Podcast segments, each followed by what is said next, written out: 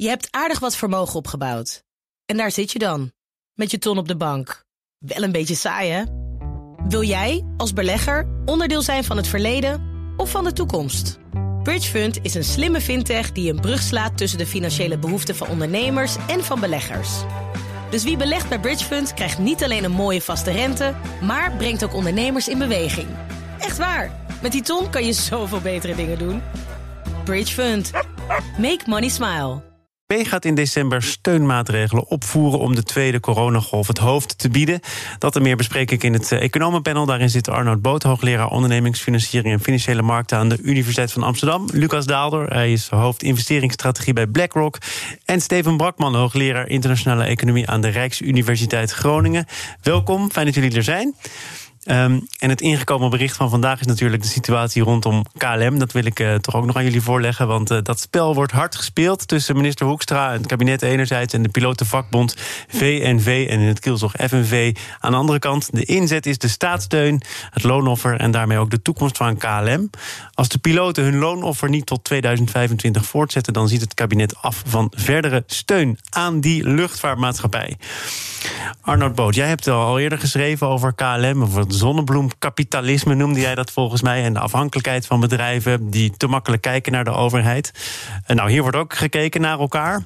Waarom is überhaupt niet duidelijk wat er van dat bedrijf werd verlangd? Of zeggen de piloten nu dat dat niet duidelijk is? Nou ja, kijk, de misverstanden die de laatste weken gespeeld hebben, dat is heel moeilijk om als buitenstaander een oordeel over, eh, een oordeel over te vellen. Eh, het is natuurlijk duidelijk, die luchtvaartindustrie moet herstructureren. KLM moet herstructureren. Eh, dus dat vind ik eigenlijk veel belangrijker dan die loonoffers. Herstructureren, eigen initiatief nemen, waardoor je straks met kracht uit de crisis komt. Waar dit misverstand gegroeid is en of er alleen maar politieke motieven, opportunistische politieke motieven zijn bij Wopke Hoekstra, of dat er legitieme zorgen zijn dat het cruciaal voor het voortbestaan van KLM is dat er loonoffers zijn. Uh, dat, dat is in het midden. Maar het bedrijf, moet herstructureren. En ik vind eigenlijk ook dat de overheid druk moet zetten op het nieuwe KLM na de coronacrisis. En dat nieuwe KLM moet een ander KLM zijn dan het oude KLM. Dat heeft met duurzaamheid te maken, heeft met, uh, heeft met omvang te maken, et cetera. Maar door de twee landenstructuur, uh, Frankrijk-Nederland, ligt het allemaal in limbo. Ja. Uh, Lucas, ik heb uh, ook al wat uh, vakbondsvertegenwoordigers gehoord vandaag op BNR. Die zeggen, joh, of die piloten nou 2,5 ton verdienen of 2 ton, iets inleveren. Dat gaat uiteindelijk niet bepalen of KLM levensvatbaar is, ja of nee. Dit is symboolpolitiek en bovendien zijn wij als vakbond op het verkeerde been gezet. En wordt er nu verlangd dat wij een blanco of een blinde check tekenen. Snap jij hun standpunt?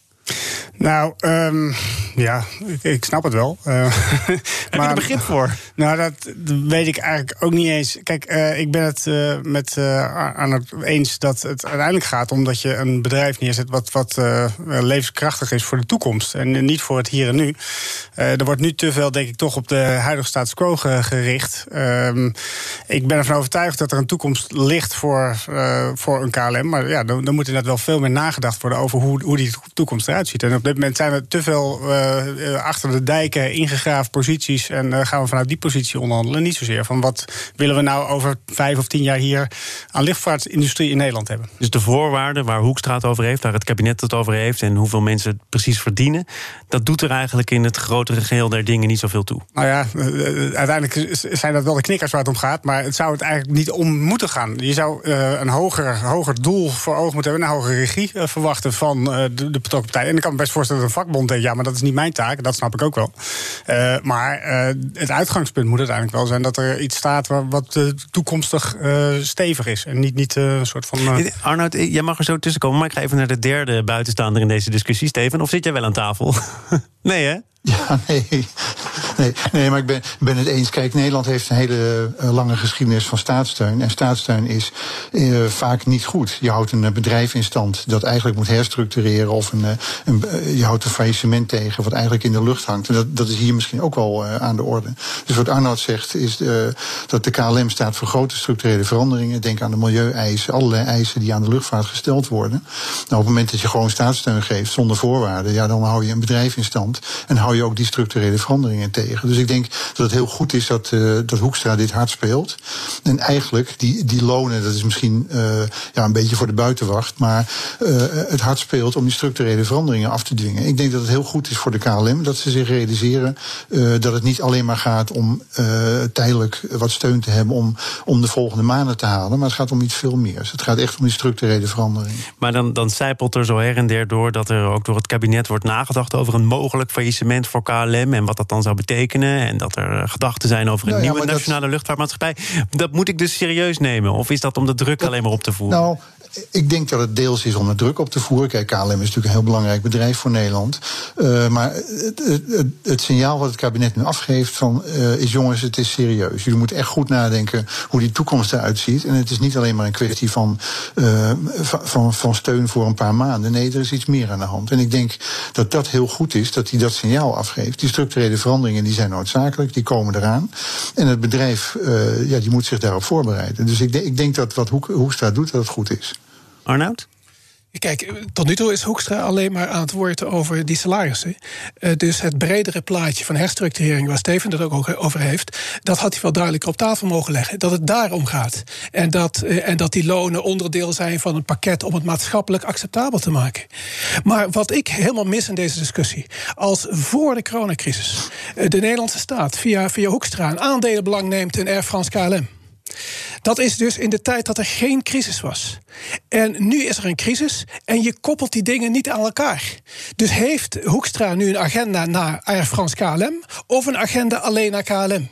En hier zie je het ultieme vorm van zonnebloemkapitalisme. Er was nog geen crisis en de overheden hingen eroverheen. En nu is er een crisis en nu hangt iedereen weer met die overheden eroverheen. Dus de overheid moet nu met een heel duidelijk verhaal komen. Afstemming met Frankrijk. Wat geëist wordt aan die onderneming. En als dat niet mogelijk is, dan blijft het doormodderen. Ik heb hem zelf opgebracht door die term, dat zonnebloemkapitalisme. Jij hebt er eerder over geschreven. Voor mensen die de gedragingen van de zonnebloem niet precies kennen, wat wil je er eigenlijk mee zeggen? Nou ja, kijk, zonnebloemkapitalisme is heel eenvoudig. Kijk, voor de crisis al keken bedrijven de hele tijd, en met name ook banken, de hele tijd naar de overheid en centrale banken, naar publieke autoriteiten. Is het dan raar dat bedrijven geen buffers hadden toen we de crisis ingingen? Want als je de hele tijd kunt terugvallen op de overheid of kunt terugvallen op centrale banken, hoef je ook geen buffers te hebben. Dus dat was zonnebloemkapitalisme in de goede tijd. En eh, zonnebloemkapitalisme in de in, in de slechte tijd is wederom als een zonnebloem je richten naar overheid en centrale banken. In plaats van dat KLM in april al meteen met maatregelen komt. Meteen als bedrijf het initiatief nemen. Wat ze nu trouwens ook moet doen. Hè. Ze moet het initiatief nemen. Een bedrijf moet het initiatief nemen. Je moet je hoofd niet laten hangen alleen naar de overheid. Dat heeft ermee te maken dat die overheid een veel te dominante rol heeft. Ja, maar en dat is wederom ik ga, ik ga het ook even van jou vragen. Want inderdaad zou misschien een bedrijf initiatief moeten nemen. Maar Wopke Hoekstra heeft zeker in de eerste weken, dagen van de crisis zelfs al geen kans om nut gelaten om te zeggen dat KLM en Schiphol zo ontzettend belangrijk zijn. Hè? Dat dat eigenlijk nooit ter discussie zou moeten staan. Dat gaan we redden. Dan is het toch ook logisch dat KLM en Schiphol, en in dit geval dus vooral de piloten, zeggen van nou ja, goed, kennelijk zijn wij van ontzettend cruciaal belang. Dus wij spelen het ook hard. Ja, maar nogmaals, die snapt het spel wat gespeeld wordt. Alleen uh, zijn we nu in een discussie beland waarbij je niet echt naar een goede uitkomst gaat. En dat is waar je natuurlijk uiteindelijk wel naartoe wil. Uh, ik snap best dat er een belang is uh, van een luchtvaartindustrie en een, een, nou een KLM in Nederland. maar goed, we zitten natuurlijk nu op het moment wel op een soort van weg als het te lang doorgaat, dat, dat die KLM dat daar toch een streep door kan worden gehaald. nou, ik mag hopen dat dat niet gebeurt. Dus, waarom is dat eigenlijk erg als dat zou gebeuren? Nou, ja, kijk, eh, wat je, uh, wat je wil is dat uh, er een bepaalde uh, infrastructuur bestaat in je eigen land. Dus dat je met een redelijk gemak kan, kan reizen naar het buitenland. Op het moment dat je dat niet een, zeg maar een Nederlandse of een lokale, het hoeft niet echt per se Nederlands te zijn, kan ook, want KLM Air France is natuurlijk niet alleen Nederlands. op het moment dat je dat helemaal uit handen geeft aan anderen, ja, dan, dan, dan heb je toch het risico dat, dat daar minder service en hogere prijzen tegenover komen. Maar goed, die als ik de woorden van Steven in herinnering breng, je hoeft ook niet een technisch failliet bedrijf kosten wat kost overeind te houden. Nee, mee eens. Uh, sowieso. Uh, dus uh, dat ben ik helemaal mee eens. Alleen, ehm, ja, kijk, je zit nu. De, de, de, strijd wordt volgens mij ook nog eens een keertje extra moeilijk. Omdat je ook nog eens een keertje tussen dat Nederland-Frankrijk verhaal zit. Waarbij de, daar eigenlijk ook niet één lijn wordt getrokken. En ook niet, voor mijn gevoel, een heel duidelijk standpunt wordt ingenomen hoe de, hoe de toekomst er moet uitzien. En dat bemoeilijkt het probleem alleen maar meer en meer. Ik had al gezegd dat het een druk en vol economenpanel wordt. We gaan naar het volgende onderwerp. En dat doe ik graag aan de hand van een jingle. Jawel, komt-ie. De gast is Arno Boot, Lucas Daalder en Steven Brakman. En Steven, eh, ik wil bij jou beginnen over de Amerikaanse verkiezingen. Jij bent hier de hoogleraar internationale economie. Uh, Biden of Trump, dat is plat gezegd gewoon de keuze. Uh, maakt het voor de wereldeconomie en voor de verhoudingen tussen bijvoorbeeld Europa en de Verenigde Staten heel veel uit wie er vanaf morgen de sleutel van het Witte Huis heeft? Ja, dat denk ik wel. Kijk, als Trump wint, dan gaan we door op, uh, op de voet die we nu uh, vier jaar kennen van chaos. Uh, ja, eigenlijk van wanbeleid. Maar wat belangrijker is, is eigenlijk de grote erfenis die Trump nu achterlaat. voor zichzelf of voor Biden. Ik denk trouwens dat Biden gaat winnen. Dat is eigenlijk de verhouding met het buitenland. En met name op het gebied van, van handel. Dus Trump is eigenlijk betrekkelijk ja, machteloos geweest op, op een hoop terreinen. Hij heeft een hoop dingen niet gedaan. Hij zegt wel dat hij veel doet. Maar dat valt eigenlijk heel erg tegen als je naar de feiten kijkt. Maar op het gebied van de handel heeft hij heel veel gedaan. En dat wordt ook zijn grote, eh, grote erfenis. En daar zullen we nog lang mee te maken hebben. Hij heeft de tarieven ingevoerd. Uh, hij heeft de verhoudingen met het buitenland verstoord. Met Europa, met eh, China. En eigenlijk met, met de hele wereld. En daar zullen we nog lang mee te maken hebben. Nou, op het moment dat Biden wint, daar lijkt het nu toch op. zullen we daar nog lang mee te maken hebben. Dus die tarieven die Trump heeft ingevoerd, die zullen niet zonder meer naar, naar nul worden teruggedraaid. Of naar de situatie van voor Trump. Uh, Biden heeft ook te maken met een achterban die het moeilijk heeft. Hè. Denk aan het, uh, het Middenwesten van de Verenigde Staten. Die zullen niet blij zijn als die tarieven weer omlaag gaat. Uh, wat er wel zal gebeuren is dat de omgangsvormen zullen verbeteren. Ja, maar dat is dan toch dus meer hoe je met elkaar lang... om de tafel zit. Maar Biden heeft uh, ook niet zo gek lang geleden opgeschreven... als president sluit ik geen enkel nieuw handelsakkoord... voordat we alle Amerikanen hebben uitgerust met een stevige positie op de wereldmarkt. Ik zal geen nieuwe deal sluiten zonder mensen van de vakbond en de milieubeweging aan tafel. Met andere woorden, zoveel welwillendheid nou ja, spreekt dat... er ook niet uit, toch? Nee, precies, dat bedoel ik eigenlijk. Dus die, die gevolgen van Trump, dus, uh, waar iedereen eigenlijk op hoopt, of uh, wat een verwachting had kunnen zijn, is we gaan terug naar de situatie van voor Trump. Nou, dat zal niet gebeuren. Biden heeft ook te maken uh, met mensen die, ja, die, die blootstaan aan de concurrentie van buiten. Denk aan de concurrentie van, van lage loonlanden. Daar heeft hij mee te maken. Dus hij zal die tarieven niet zonder meer verlagen. Hij zal het gebruiken in onderhandelingen met Europa, met China. Hij zal concessies eisen.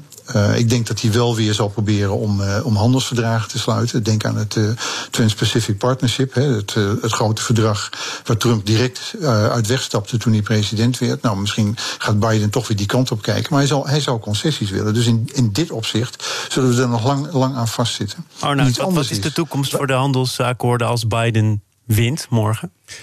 Het grote voordeel wordt dat uh, Biden voorspelbaarder zal opereren. Dus dat betekent dat er een stuk onzekerheid onnodige onzekerheid uh, verdwijnt. Uh, hij zal ook zorgen dat Amerika aan de tafel zit overal. Waar Amerika aan de tafel, aan de tafel zit. Dat zorgt ook voor betere verhoudingen. Voor minder, minder onzekerheid en meer voorspelbaarheid. Dus ik denk niet dat er. Uh, kijk, Amerika is, is grosso modo een naar binnen gericht land. daar zal elke president rekening mee moeten houden. En dat het buitenland is niet heel belangrijk voor Amerika in zekere zin. Het, dus het is heel makkelijk om het als vijand af te, af te En Biden zal dat niet plotseling kunnen veranderen. Maar hij zal wel zorgen dat Amerika voorspelbaarder wordt. En voorspelbaarder is belangrijk. Onzekerheid is uiteindelijk voor een economie en voor de wereldeconomie is onzekerheid een hele belangrijke negatieve factor. Als je die weghaalt, dan kan iedereen zich instellen op wat de verhoudingen zijn. Dan worden de, de waardeketens worden voorspelbaarder, et cetera. En dan ben je ook in discussie. Als er iets speelt in China, ben je in ieder geval in discussie met China. Ik hou me hard vast als je, als je geen communicatielijn met China hebt. En laat wel wezen, China wordt natuurlijk de grote economie in de wereld. Daar zal Biden, Trump en niemand iets aan veranderen.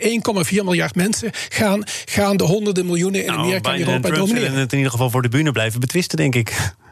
Dat kan hij dat kan die een poosje doen. Uh, hij kan het zeker gedurende, gedurende nog eventueel vier, jaar doen. Maar een land met 1,4 miljard mensen, wat, uh, wat het economisch, politiek-economisch redelijk op orde heeft. We kunnen geweldig erover discussiëren uh, hoe, hoe, hoe men eronder gehouden wordt en of het houdbaar is wat er precies in China gebeurt. Maar China heeft het redelijk onder controle. Het is ook de historische rol, positie van China. China 200 jaar geleden stond ook bovenaan op het wereldtoneel. Dus je moet ervan uitgaan dat China economisch economisch belangrijker wordt. Maar puur dat is niet erg. De wereld is, wat economen altijd zeggen, geen zero-sum game. Uh, China is ook een afzetmarkt voor, voor, voor Nederlandse producten. Dus, je, dus wij kunnen er ook iets aan hebben. Nou, en je moet er dus bij blijven communiceren. Je moet aan tafel zitten, je moet in ieder geval weten wat er in China gebeurt. Je moet het discussie kunnen blijven aangaan. Lucas? En, en dus niet naïef zijn. Hè? Want ik zeg niet dat China de economische macht niet zal misbruiken. Daar moet je voor uitkijken. dat doet elk land. Is toch al Amerika is al eh, genezen van die naïviteit. Europa heeft de richtlijnen opgesteld. Dus wij behandelen China toch ook anders dan. Uh, nou, mag ik, als dat voorspelbaar is, is dat goed, hè? Ja. Maar mag ik daar één ding op, op zeggen? Dat, uh, zeg maar, dit wordt de grote erfenis van Trump. Hè. Dat heeft te maken met uh, deze verhouding waar we het nu over hebben. Er is nog een andere erfenis. Trump heeft zich ook de afgelopen vier jaar gedisqualificeerd als wereldleider. En ik denk dat we daar toch met een wat toenemende mate van onzekerheid te maken krijgen. Dus Arnold die hoopt op meer zekerheid. Ik denk dat er één kanttekening bij te maken is. Trump heeft zich gedisqualificeerd als wereldleider. Amerika was eigenlijk na de Tweede Wereldoorlog standaard de, de belangrijkste economie van de wereld. En speelde ook die rol. Uh, dat hebben ze vaak heel goed gedaan. Soms niet, uh, niet heel goed, maar vaak wel. Hij heeft zich gedisqualificeerd, Trump. Nou, dat betekent dat we op dit terrein, op politiek terrein, uh, wat meer onzekerheid zullen krijgen. Andere landen, wat Arnold nu net noemt, China, die zal die rol zich willen toe-eigenen. Dus we krijgen nu eigenlijk een situatie, dankzij Trump, waarin die positie van Amerika niet meer vanzelfsprekend is. Die was al misschien al minder zelfsprekend geworden. Maar door zijn gedrag is dat eigenlijk versneld. En zal een land als China grootste economie van de wereld, die zal die rol uh, zich willen toe-eigenen. En dat geeft allerlei nieuwe discussies die we de komende tijd tegemoet zullen gaan. Lucas, het is bijna 3 november, je hebt nog niks gezegd hierover. Nee, ja, je moet het nu doen. Ja, nou, kijk, een belangrijk punt wat niet genoemd is, is dat het niet alleen om de presidentsverkiezingen gaat, maar ook om het congres. Precies. En uh, ik denk dat het voor de Amerikaanse economie, maar ook, ook de wereldeconomie echt van belang is hoe het congres valt. Uh, mocht het zo zijn dat de Democraten een meerderheid hebben in de Senaat, dan hebben ze een meerderheid in de Senaat, of 50, want 50 is genoeg, dan hebben ze de vicepremier, president dan hebben ze de Senaat, dan hebben ze de, het Huis van Afgevaardigden, dan hebben ze de president. Dan kunnen ze echt beleid voeren. Nou, we hebben de ambities gezien van de Democraten de afgelopen weken en maanden. Wat hun eh, plannen zijn ten aanzien van stimulering. Uh, de plannen van Biden. Uh, dus als dat uitkomt, dan ga je een veel sterker stimuleringsbeleid zien. wat op de korte termijn dus ook de slagkracht en vaart van de economie beter zal ondersteunen dan één van die Daar gaat hij dan uiteindelijk wel de belastingen voor verhogen, natuurlijk. Daar gaat hij de belasting voor verhogen. Dat neemt niet weg dat hij meer stimuleert dan dat hij wegneemt. En bovendien, hij neemt weg bij degene waar uh, natuurlijk uh, op dit moment eigenlijk al iets te veel verdiend wordt. Dus het is ook nog een herverdeling. Uh, de stimulans die daarvan uitgaat is per saldo positief. Nou, dan toch nog even naar wat Trump de afgelopen jaren heeft laten zien. Dat is vertroebeld door de coronacrisis, waardoor ook ja, zijn succes op de arbeidsmarkt verdampt is. Maar hij laat niet na om te zeggen: The numbers, my friends, amazing. Ik heb uh, iedereen aan het werk geholpen. En als je het hebt over racisme, kijk naar wie er dankzij mij een baan heeft. Alle minderheden, van welke achtergrond dan ook, ik heb ze aan de slag gekregen. Verdient hij daar een compliment voor? Nou, tot op zekere hoogte. Hij heeft het natuurlijk wel gedaan door uh, ongekend de, de portemonnee te trekken. Hij is de enige president die het voor elkaar gekregen heeft om in een hoogconjunctuur eh, de boel nog eens een keertje extra te stimuleren. En ook dat op een niet directe manier. Dus als hij nou echt uh, een warm hart had om al die minderheden en minder betaalde meer geld te geven, dan had hij toch een heel ander belastingpakket moeten doorvoeren dan wat hij nu gedaan heeft. Het is allemaal trickle-down, hopend dat het de economie in bredere zin zou helpen. Met als vervolg dat dan ook die minderheden aan de, aan de slag kwamen. Dus ik vind het een beetje een vreemde claim van hem. Om te zeggen dat het dankzij hem is dat, dat het zo goed gaat. Ah, met, doet het wel. Eh, ja, maar dat kijk, kijk, kijk, daarom, kijk, daarom ben je politicus. Ja. Al het goede wat gebeurt tijdens jouw uh, rit, dat, dat, daar moet je de eer van opstrijken. En het, laten we eerlijk zijn, zonder corona had Trump deze verkiezingen gewonnen. Hij heeft een economie kunnen, kunnen leiden die uit zichzelf goed draaide. Hè, dat het hele herstel was onder, onder Obama al ingezet. Hè, het hele herstel was al ingezet. Uh, hij heeft uh, iedereen inderdaad aan het werk. Heel veel bullshitbanen natuurlijk. Hè, want de middenklasse in Amerika, de hele onders, middenklasse en ondersgroep zijn er niet op vooruit gegaan. Daar zit dus ook. De, maar hij had de overwinning gekregen. Ik denk dat hij gewonnen had zonder corona. En hier zit de uitdaging voor Biden. Biden zal zorgen eigenlijk dat hij hopelijk kan die zorgen, en uh, zeker als Lucas gelijk heeft, dat de Senaat democratisch wordt, uh, dat er aan die andere kant meer geld beschikbaar komt. Daar wordt geconsumeerd. Dus als je met belastingen bij de hoogverdieners afpakt en je geeft aan de laagverdieners, dan is dat grosso modo goed voor de economie. Want dan wordt er meer geconsumeerd. Voor bedrijven zelf is het een dubbel iets. De aandelenkoersen gaan omlaag omdat je de belastingen verhoogt, waarschijnlijk op winstinkomen. Maar de aandelenkoersen gaan omhoog omdat er meer geconsumeerd wordt. Dus ik verwacht hoe dan ook dat de aandelenkoersen, als de onzekerheid van de verkiezing over is, hoe dan ook omhoog gaan. Er is zoveel vrij geld op de wereld. Dat heeft een bestemming nodig. Dus volgens mij gaat de beurs hoe dan ook omhoog als de onzekerheid van de verkiezingen weg is. We gaan nog eventjes uh, met jullie welnemen naar uh, het wandelen en handelen van de ECB. Want in december zouden er nieuwe stimuleringsmaatregelen moeten komen. Dat zei president Lagarde na overleg vorige week donderdag. Die vergadering vond één dag na de aankondiging van de Duitse en de Franse lockdowns plaats. Dus dat is ook een kwestie van timing. Maar Steven, in algemenere zin zegt Lagarde dus... wij zijn er voor jullie, ook bij een tweede golf. Uh, reken op ons vangnet. Wat kan de ECB eigenlijk nog extra doen bovenop wat er al gedaan wordt? Nou ja, de rente verlagen, dat is niet echt eh, goed mogelijk op dit moment. Ze kunnen wel hun opko opkoopprogramma verder uh, doorvoeren en lang, langer uh, actueel laten. Ze kunnen ook banken belonen voor als ze leningen geven aan het bedrijfsleven. Dat ze dan een negatieve rente moeten. ja, dan krijgen, ze, dan krijgen ze geld in plaats van dat ze moeten betalen. Maar het grote voordeel voor de ECB ten opzichte van de vorige crisis, de crisis van 2008, 2009, grote financiële crisis, is dat de overheden nu meedoen. Dus de ECB in de, uh, in de vorige crisis moest het eigenlijk alleen doen. Dus de overheden die gingen bezuinigen en die leidden op het begrotingstekort. Dat mocht niet te hoog zijn, de staatsschuld en dat soort dingen. Dat is nu weg. Dus de ECB die heeft nu een goede partner in de, gevonden in de, in de overheden die nu ook hun verantwoordelijkheid nemen en zorgen voor ja, overheidsuitgaven. En dat is een klassiek recept in de recessie. Dus ik denk dat de ECB gecombineerd met de overheden, uh, dat dat pakket samen uh, een, een, goede vuist kan maken. Lucas, ik zie enige aarzeling. Of is het nou, juist instemming? Ik nou, ja, nee, ja, nee, nee, het is op zich instemming. Het, is alleen, het blijft dan altijd verrassend dat we toch altijd weer met z'n allen naar die ECB gaan zitten kijken. Ik zou zeggen, de bal ligt veel meer bij die overheden op dit moment. Heeft Lagarde toch ook gezegd? Nog jawel, jawel, nee, dat, dat ben ik mee eens. Maar, maar we, ook wij gaan hier nu weer praten over uh, wat de Lagarde heeft gezegd. Ah, we hebben er nog een minuut voor hoor, dus uh, reken je niet rijk. nee, maar eigenlijk uh, zouden we het nu hebben, moeten, hebben moeten over de, ja, wat nou eigenlijk de volgende stap van de verschillende overheden is. En dat, dat mist weer. Nou zeg het, nou ja, de microfoon staat open, Lucas. Ik zou zeggen, het is duidelijk dat we weer een nieuwe lockdown ingaan. En dan moeten we dus wederom een steunpakket tegenover staan. Uh, dus ik zou zeggen, als je, ja, als je wil dat deze economie echt gaat draaien, dan zou ik ook echt wat, wat scheutiger zijn met de, de, de, maatregelen die je op dit moment op tafel legt. Zeker als je weet dat de ECB het linksom of rechtsom uiteindelijk financiert. Oké, we gaan via goed, dat, Arnoud dat... naar Steven. Arnoud, eerst, eerst jouw uh, Kijk, in een, in een lockdown ontkom je, niet, ontkom je niet aan steunmaatregelen, want je sluit dingen, uh, dingen af en dan heb je steunmaatregelen nodig. De ECB kan natuurlijk niet zo heel veel doen, want die doet al veel. Uh, maar het belangrijkste waar de ECB nu zorgen over heeft en moet hebben, het zal ze niet in het publiek zeggen, is de gezondheid van het bankwezen. En het heeft geen zin om banken, banken af te straffen om geld te parkeren bij de ECB, wat ze doen. Want banken komen klem te zitten. Tweede lockdown betekent het bankwezen komt klem te zitten. En als bankwezen klem zit, is het monetair beleid ineffectief en is het overheidsbeleid ineffectief. En dat aspect wordt uh, onvoldoende benadrukt. Steven, tot slot. Jij wilde eigenlijk al reageren op wat Lucas zei. Ja, de grote, de grote uitdaging voor de overheden, die nu heel erg veel doen, is dat ze tot nu toe hebben ze banen overeind gehouden, banen en bedrijven. En dat ze nu de volgende stap moeten zetten. Dus een hoop van die banen die zijn niet levensvatbaar. Denk aan de horeca, denk aan het toerisme, denk ook aan de KLM. Dus de overheid moet nou de stap zetten van, uh, van het beschermen van banen. Daar moeten ze vanaf. En ze moeten nu veel meer uh, naar het beschermen van mensen gaan. Dus dat, dat, dat zegt de overheid toch ook al uh, inmiddels bijna een half jaar, of niet? Dat zeggen ze mondjesmaat. Dus wat er nu gebeurt, is dat ze mensen willen helpen via het UWV uh, eh, naar een volgende baan. En dat ze niet zozeer uh, mensen in de horeca, dat ze die banen overeind houden. Maar dat ze, dat ze nu ook de stap moeten zetten naar ja, het helpen van mensen. Helpen, helpen met een nieuwe opleiding. Uh, helpen naar de weg naar het vinden van een nieuwe baan. En dat wordt nu de belangrijke stap. Ik had jullie en ook mezelf graag aan meer tijd geholpen, maar dat is helaas onmogelijk. Steven Brakman, hoogleraar internationale economie aan de Rijksuniversiteit Groningen. Lucas Daalder, Chief Investment Strategist bij BlackRock. En Arnold Boot, hoogleraar ondernemingsfinanciering en financiële markten aan de Universiteit van Amsterdam. Fijn dat jullie het economenpanel wilden vormen vandaag. En dan ga ik alvast eh, naar morgen, want dan is hier Godfried Barnasconi, de voorzitter van de Raad van Bestuur van Cordaan.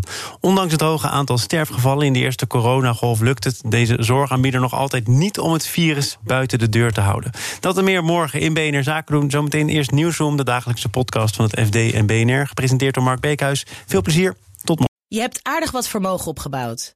En daar zit je dan, met je ton op de bank. Wel een beetje saai, hè? Wil jij, als belegger, onderdeel zijn van het verleden of van de toekomst? Bridgefund is een slimme fintech die een brug slaat tussen de financiële behoeften van ondernemers en van beleggers. Dus wie belegt bij Bridgefund krijgt niet alleen een mooie vaste rente, maar brengt ook ondernemers in beweging. Echt waar. Met die ton kan je zoveel betere dingen doen. Bridgefund. Make money smile.